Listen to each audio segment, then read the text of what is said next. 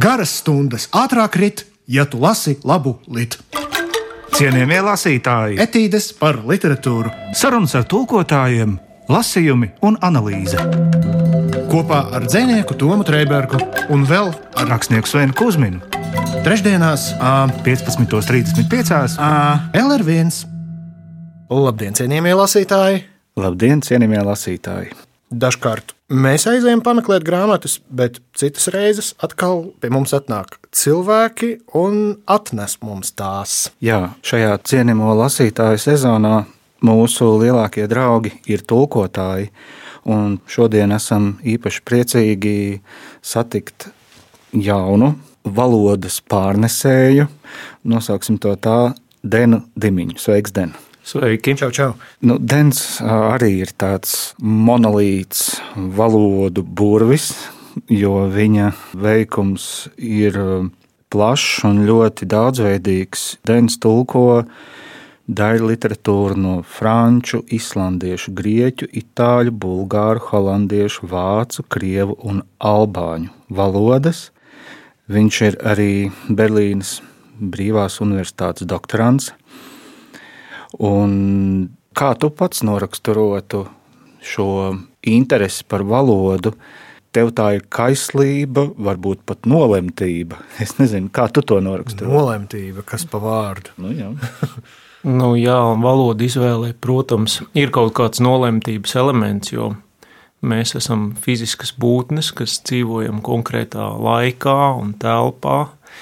Un tas, protams, nosaka to, kādās valodās mēs runājam, kādas valodas mēs apgūstam vai varam apgūt. Un var teikt, ka mana biogrāfija ir savā veidā bijis tāds ceļš, kurš ir vedis pie dažādām valodām. Un Sākot, protams, ar Padomju Savienībā oficiālo lielāko saziņas valodu, krievu valodu, ko mēs vēl aizvien mīlam un lietojam.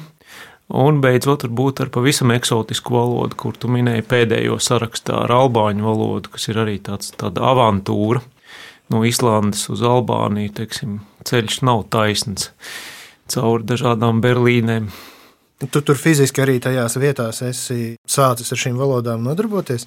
Nu, praktiski vienmēr es varu teikt, ka esmu sācis nodarboties ar valodām tur, kur tās skan apkārt. Jo būtu tiešām grūti iedomāties, kā varētu apgūt islandiešu valodu vai albāņu valodu tikai no, no grāmatām, no kompaktdiskiem vai kādām sarunu vārnīcām. Vai tas ir iemesls, kāpēc latīņu valodā nekāda saruna gandrīz vai nav iespējama kā dialogs, jo tā jau nav tā valoda, ko izmantoja, cik es saprotu, sarunās. Tā ir tāda tekstu valoda. Es negribētu teikt, ka latīņu valodu mūsdienās nav iespējams izmantot sarunās. Ir taču šī neolatinitātes kustība, kurā tiek tulkoti dažādi mūsdienu darbi. Vinnijas pulks. Piemēram, Vinnijas pulks, jā, Jā. kurš pat Latvijas universitātē tika uzvests uz Jā, jā, man, skatuves. man, bija, man ir bijis lasīt. tas gods redzēt vienu no šiem uzvedumiem. Un kā? Nu, ļoti, ļoti skaisti. Nu, ar to atšķirību, ka studentiem nebija tērpu, bet, protams, lielākā bauda bija dzirdēt jā, šo latīņu valodu un, un to, kā viņi illepu. Tā laikam bija šis nosaukums, jā, tā bija tāda ekstravagance. Kā ir latīniski nepareizs medus? Nepareizs mēdus, droši vien kaut kāds mieli falsums vai kaut kas tāds. Man būtu jāpaskatās mieli, mielis falsums. Bet, uh, Falšās mieles. jā, es gribēju par latīņu valodu tikai piebilst, ka tas varbūt ir tāds piemērs situācijai, kad valoda turpina dzīvot arī pēc fizisko lietotāju atteikšanās no tās. Viņa vienkārši pāriet dažādās formās. Viņa ir pārgājusi franču valodā, spāņu valodā, itāļu valodā. Tā ir tā pati latīņu valoda, kas turpinās tālāk. Un, un arī cilvēku mīlestība šo valodu ir bijusi tik liela, ka neraugoties uz fiziskās vidas trūkumu, mums nav tādas latīņu zemes, kur mēs varētu aizbraukt un studēt to. Viņi turpina dzīvot literatūrā un mūsu atmiņās, un mēs viņu mācāmies un mēs viņu kultivējam. Un tas ir tāds skaists, varbūt, piemērs valodas nemirstībai. Vai tu vari padalīties ar pirmo impulsu, kurš tev deva tādu mudinājumu rakties valodā tik dziļi, cik vien tu spēji? Nu, man ir grūti tādu pirmo punktu atrast, bet es atceros, ka skolā, piemēram, kad bija jāmācās vācu valoda, tad man bija tāda sajūta, ka nu, mums tiek kaut kas noklusēts vai slēpts, jo tie teksti, kas bija padomi laika mācību grāmatās, viņi ir ļoti. Pirmkārt, viņi visi ir ideoloģiski iekrāsoti, viņi ir arī valodiski ļoti nabadzīgi un kaut kādā ziņā aprobežoti. Visi tie teksti par Ernstu Tēlmanu vai es nezinu, Ļeņinu, Berlīni. Liekas, ka tā nevar būt visu vācu valodu, un tai pašā laikā tiek it kā pa maziem gabaliņiem rādīt arī kaut kāda skaistāka valodas aina ar, ar gētas dzējoļiem, kas bija savulaik jāmācās no galvas. Un tad tas impulss bija tāds, ka es vienkārši man bija vācu latviešu vārnīca, un es sāku pats lasīt kaut kādas bērnu grāmatas un rakties dziļāk, un aizvien skatīties, ka tā valoda ir tāds milzīgs, plašs labirints, kurā var aiziet dažādos virzienos un nezināt arī, kur tu atnāks atpakaļ. Cienījamie lasītāji, šodien pie mums viesos ir tulkotājs Dens Dimiņš, un Den, tu šodien esi arī atnācis ar tādu grāmatu kolekciju, un vispirms es gribētu pajautāt tev par romānu Kompas. Pastāst lūdzu, ar ko tieši šis darbs tev ir nozīmīgs, ka tu izvēlējies arī mums viņu likt vērā. Nu, pirmkārt, Matijas Senārs ir ļoti nozīmīga figūra mūsdienu franču literatūrā. Un vienkārši tas ir viens no autoriem, kuram vajadzētu būt pieejamam. Es uzskatu, visās valodās, kas pretendē uz kaut kādu teiksim, kultūras un literārās tradīcijas kopšanu, plašumu.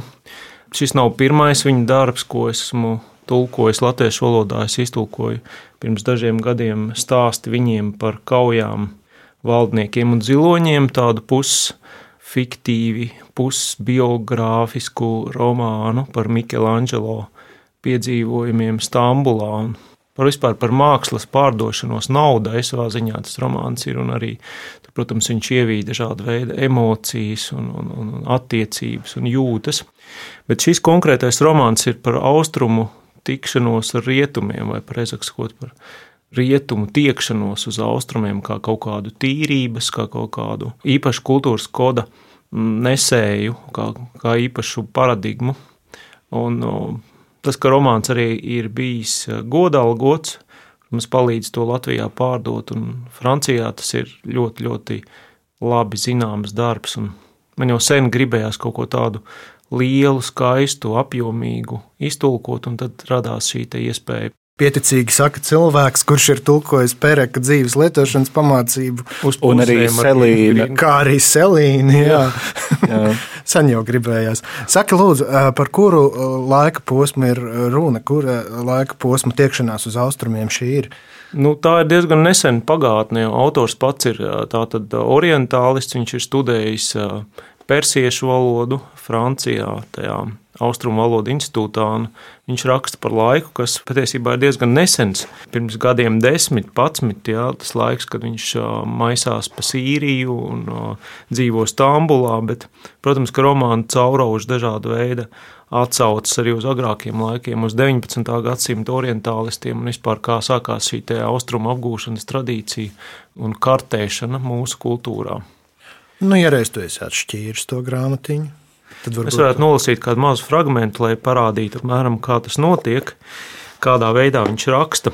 Enāram vispār ir raksturīgi ļoti niansēti tādi runātās un rakstītās valodas nošķīrumi. Viņš raksta sarežģītā, rakstītā valodā, bet tāpat laikā viņa dialogi var būt pavisam vienkārši vai pat arī gandrīz vulgāri. Tas ļoti interesanti, ka viņam tie stili ir satiekas, bet šeit es gribu palasīt fragment, kur galvenais varonis nonāk mošajā Stambulā.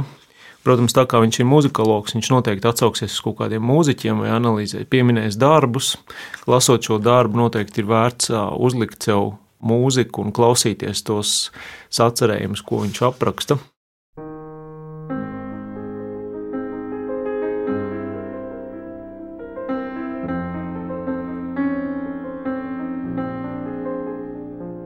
Pēc Stambulas apmeklējuma lists atsakās no saviem muzikālajiem klejojumiem, atsakās no spožo gadu slavas un no Veimāras uzsāk ilgu apceres ceļu, jaunu ceļojumu, kas sākas lai arī dažas no tēmām ir ieskicētas jau agrāk ar poētiskajām un reliģiozajām harmonijām. Kaut gan daudz pianistu iesācēji mēdz nodragāt dieva svētību vienkārši briesmīgi. Tā tik un tā ir un paliek ne tikai lista skaistākā melodija, bet arī komponista vienkārši vissarežģītākais pavadījums. Manās iesācēju ausīs tas tuvināja šo skaņdarbu iluminācijai. To vajadzēja spēlēt kā pāri malām plūstošu ticību, kur melodija atbilst dievišķam mieram. Šodien tas man šķiet nedaudz teleoloģisks un vienkāršots lasījums. Mūziku reti kad var reducēt līdz tās sacerēšanas iemesliem, kas ir īpaši ir saistīts ar manis pašu pieredzi Stambulā. Rīts, kad ir tāda spilgta zilgme, gaiss vēl spirdzīgi salds, Prinču salas izceļas spilgtajā gaismā aiz serālas mailas un vecās stabulas minareti pāršķeļ debesis ar savām smailēm, kā zīmuļi gribēdami ierakstīt simto dievu vārdu tīrajos bezmākoņu plašumos. Dīvainajā ieliņā ir vēl ļoti maz turistu un garām gājēju. Tā ved aiz Suleimana mošejas, kur cēlis Sinans dievišķais par godu Suleimanam lieliskajam. Izej caur krāsainu marmora peristilu, ap purpura kolonnām riņķo dažas kājas, flīzes mirdz kā pēc lietus. Esmu jau bijis vairākās mošajās, Svētajā Sofijā, Zilajā mošajā. Es redzēšu vēl citas, Damaskā, Alepo un pat Isfahānā, bet neviena no tām neatstās uz mani tik tūlītēju iespaidu. Kad nolieku kurpes koka plauktā un ieeju lūkšanu telpā, man sažņaudas krūtis, es zaudēju virzienu izjūtu velti cenšos iet uz priekšu, es krītu un palieku tur, kur esmu, uz sarkana paklāja ar zilām puķēm, mēģinot attiekties. Pamanu, ka esmu vienīgais šai pieminekļī, vienīgais, ko iekļauj gaisma, viens šai mulsinošo proporciju telpā. Milzīgā kupola aplis ir pievilcīgs, man visapkārt ir simtiem logu, es sēžu sakrustotām kājām. Esmu aizkustināts līdz asarām, bet neraudu. Jūtos pacelts no zemes un ātri pārlaižu acis, iznikas flīžu ar uzrakstiem, apgleznojumiem, viss mirgo, un tad mani pārņem liels miers, plosošs miers, Esmu it kā redzējis virsotni, bet skaistums drīz vien aizslīd. Es atkrītu atpakaļ, pamazām sāku valdīt pār saviem jūtekļiem. Manas acis tagad, protams, redz kaut ko burvīgu, bet tam nav nekā kopīga ar sajūtu, kas mani tikko ir piemeklējusi. Cienījamie lasītāji, pie mums šodien viesos tulkotājs Dens Dimiņš.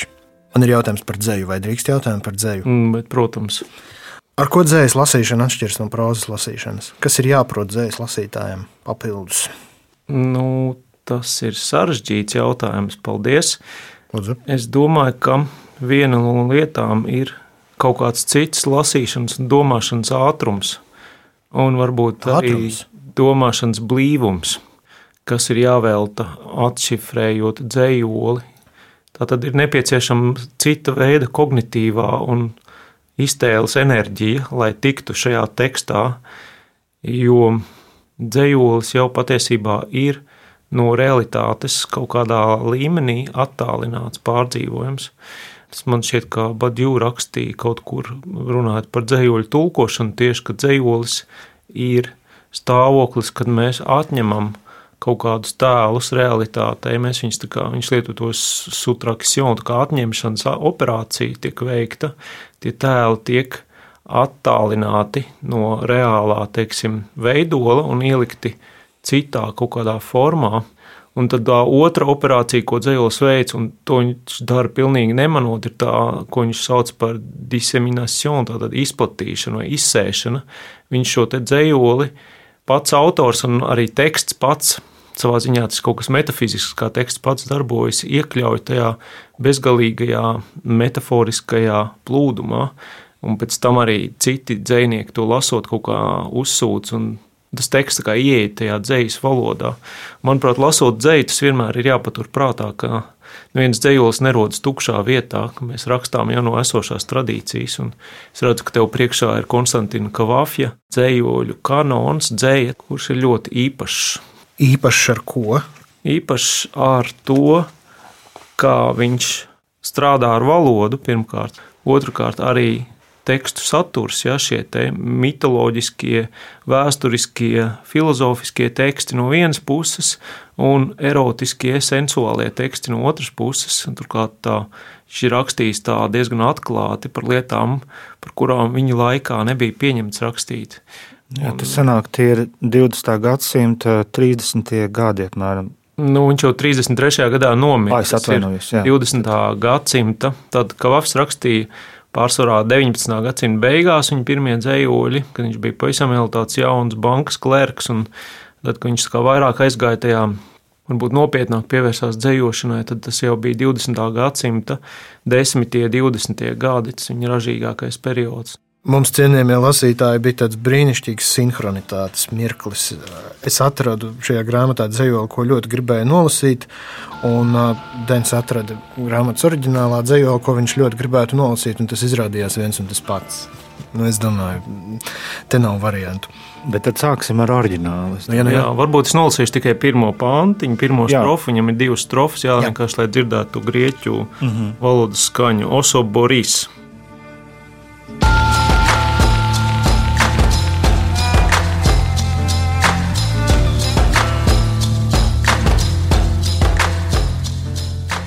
Κι αν δεν μπορείς να κάνεις τη ζωή σου όπως την θέλεις, τούτο προσπάθησε τουλάχιστον όσο μπορείς.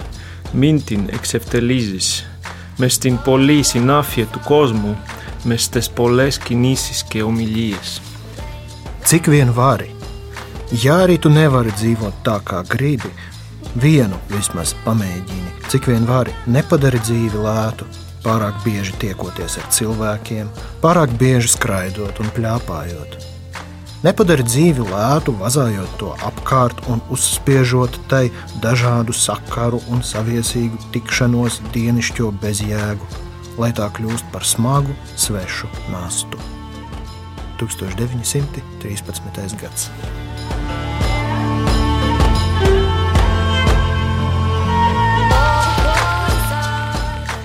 Vai tavuprāt, tas iemesls, kā panākt šo izteiksmes skaidrību, varētu būt saistāms ar to konkrēto kultūras tradīciju, ja mēs runājam par Grieķiju, par kaut kādiem izglītības kanoniem savā ziņā? Man šķiet, ka Kavafs tieši ir ārpus savas kultūras kanoniem un ārpus tradicionālās grieķu paradigmas. Tāpēc viņš arī ir tik grūti pieņemams grieķiem ilgus gadus bijis, jā, jo viņa atklāšana jau sākas faktiski arī no rietumiem. Un savas dzīves laikā viņš to kanonu neizdeva tādā formā, kādā mēs to redzam. Tagad viņš izdeva to mazās burtnīciņās, ko viņš dāvināja saviem draugiem. Teiksim, tas bija savu veidu Jā, samizdevums. sengrieķu samizdevums. Sen, jā, Grie, grieķu samizdevums. jaungrieķu samizdevums. Jaungrieķu. Cienījamie lasītāji, mūsu saruna ar tulkotāju Denu Dimiņu virzās uz savu noslēgumu, bet uh, gribu tev, Den, pajautāt arī par romānu Labvēlīgās, kas ir, starp citu, Gonkūru prēmijas laureāts Jonatana Litela, pie tam debijas romāns. Franču valoda, savukārt vārds un uzvārds neliekas ar Franciju saistāms. Jā, Litels ir ļoti saudabīgs tēls franču literatūrā. Viņš ir dzimis Ņujorkā vispār, ebreju ģimenē, kas ir arī ieceļojuši savā laikā no Krievijas. Viņam tā tad ir Austrum Eiropas saknes. Un, uh, viņš izvēlējās rakstīt uh, franču valodā, jo tā bija viņa tātad, uh, ģimenes valoda. Viņš tad uzaudzis tādā, viņš ir daļai arī audzis Francijā, bet dzimis viņš ir uh, ASV un viņš ir amerikānis pēc pilsonības. Un šis viņa romāns tiešām bija tāds blieziens no skaidrām debesīm. Cilvēks uzrakstā nepilni 40 gadu vecumā tādu 900 lapušu ķieģeli. Lapušu skaits, protams, var mainīties no tā, kā grāmata tiek drukāta un, un, un maketēta. Ķieģeļu status. viņai Bet paliek ķieģeļa jebkurā status ir un paliek. Jā, tā ir grāmata, kur tiešām cilvēku var nosist vārdu vistiešākajā nozīmē. Sevišķi ar stūri trāpu. Un es šo grāmatu izvēlējos kā trešo, trešo savu tiešām mīļāko tulkojumu vai pieminēšanas vērtu tulkojumu. Man bija ļoti grūti citu, izvēlēties trīs tulkojumus, jo tulkojumi jau tulkotājiem tā kā bērni, visi viņi savā ziņā mīļi kaut kādā ziņā. Un ir grūti tā pateikt, šis man ir mīļāks nekā pārējie, es ņemšu viņu uz rādio un stāstīšu, un īpaši reklamēšu. Bet, manuprāt, Litāls tiešām ir unikāls ar to, cik viņš ļoti rūpīgi ir pētījis faktus, cik uh, tā viņa ideja, tāpat kā kavafim, apturēt laiku vai runāt par laika plūdumu atmiņās. Viņš savā veidā ar to ar tām labvēlīgām būvē pieminekli visiem tiem, kas gāja bojā otrā pasaules kara laikā. Tas ir romāns, kas ir veltīts mirušajiem. Man liekas, pats pirmais teikums, ja mirušajiem, tad, puļļe moh. Tas ir tik spēcīgs, tas uzreiz jau tā kā kaut kā Viņš tiešām ir gribējis, lai mēs domājam un atceramies, lai mēs saprotam to, kas ir noticis pagātnē. Tiksim, pagātnes kaut kādu arī varbūt kļūdu un traģēdiju pārvērtējums, tāpēc viņš ir arī ļoti vērtīgs izziņas materiāls. Droši vien arī pasniegts ar kaut kādu smalku simbolismu. Es redzu, ka tur jau pašā anotācijā vien ir izbijis nacistu virsnieks, kurš ir mežģīņu rūpnīcas vadītājs. Nu, kur vēl jaudīgāku kontrastu? Jā, tas ir teikt, no varmākas skatu punkta rādīts, it kā humanizējot, nevis dehumanizējot, kā parasti mēs to darām ar nacistiem. Viņi parasti tiek pasniegti kā zvēri, bet šis tiek pasniegts kā gandrīz cilvēks viens no mums, kur arī visa šī romāna konstrukcijas, man liekas, viena no pamatdomām, kas ir, ka uz lieliem un briesmīgiem noziegumiem potenciāli ir spējīgs ik viens cilvēks, tīpaši likuma paklausīgie cilvēki. Pie kāda projekta tulkošanā tu strādā šobrīd? Nu, šobrīd es strādāju pie Mišela Velbeka jaunākā romāna Serotonīns tulkojuma. Es atceros, ka bija tāds teiciens, ka, teiksim, nu, kāds bērns nolamājās, un tad vecāki sūta viņu izmazgāt muti ar ziepēm, vai tev? Vai arī klosterī. vai klosterī. Vai tev ar vēlbeku nav tāda sajūta, ka reizēm arī ir jāizmazgā, ja ne mute, tad uh, galva ar, ar ziepēm un kaut kā noskurināties, jo tas ir nu, tiešām tāds rakstnieks, ar kuru ir jāpiepūš vajag. Ne, pa, ne, ne obligāti rupjību ziņā, kaut vai tīri idejiski. Nu jā, viņš tas, ka viņš nenogurstoši provocē un viņš meklē tādas nišas, jā, to, protams, var just, bet es gribētu teikt, ka arī viņam tomēr ir raksturīgs, viņu raksturo liels stāstnieka talants. Velbeks neapšaubām mums viņš var patikt, nepatikt. Mēs varam teikt, fuj, kāds rupeklis vai fuj, kāds aprēķinātājs vai ko, bet viņš šo savu sižetu tomēr izdomā un saliek un pārliecinoši tā, ka viņi ir interesanti lasīt. Un tev viņš nav apnicis vēl. Ja godīgi, man šī ir apnicis jau ļoti sen. Mišela Velbek, ja jūs klausāties apnicis. šo raidījumu, Denam Dimiņam, jūs esat apnicis, piemēram. Jācer, ka Velbeks mūs nedzird, bet es domāju, ka viņam ir ļoti daudz uh, lasītāju, kas viņam raksta dažādas lietas. Es personīgi nekad neesmu ar viņu kontaktējies, nekad neesmu viņam neko rakstījis un prasījis, jo kaut kā viņa proza nav bijusi tik sarežģīta kāda Piemēram, tā ir bijusi Litela vai Nāra gadījumā, ka tiešām es vairākas reizes rakstījis autoriem un prasījis, vai jūs tiešām domājat to un to, vai šeit nav kļūda, vai, Jā. vai es tiešām saprotu pareizi, un ar Velbeku man lielākoties tā nav bijis. Cienījamie lasītāji, mūsu šodienas etīdē par literatūru mums bija tas prieks satikties ar tulkotāju Denu Dimiņu, un jau nākamajā trešdienā mēģināsim atrisināt eh, Gordiju mēslu Skatīsimies uz tiem tena tulkotajiem darbiem, ar kuriem iepazīstināt jūs jau nākamajā reizē, un pēc tam meklēt zināmas sakarības arī latviešu autoru darbos. Paldies, Den, ka atnāci! Paldies par sarunu un paldies par uzaicinājumu. Nu tad ko? Jāķerās pie vākiem, nav, nav citu iespēju. Mm, ko tad mēs citu vēl dzīvē varam darīt? Cienījamie lasītāji, tiekamies nākamreiz. Visu labu! Garas stundas ātrāk rit! ja tu lasi labu litu. Cienījamie lasītāji, etīdes par literatūru, sarunas ar tulkotājiem, lasījumi un analīze. Kopā ar dzinieku Tomu Trēbergu un vēl ar rakstnieku Svenu Kusminu. Trešdienās, 15.35. LR1.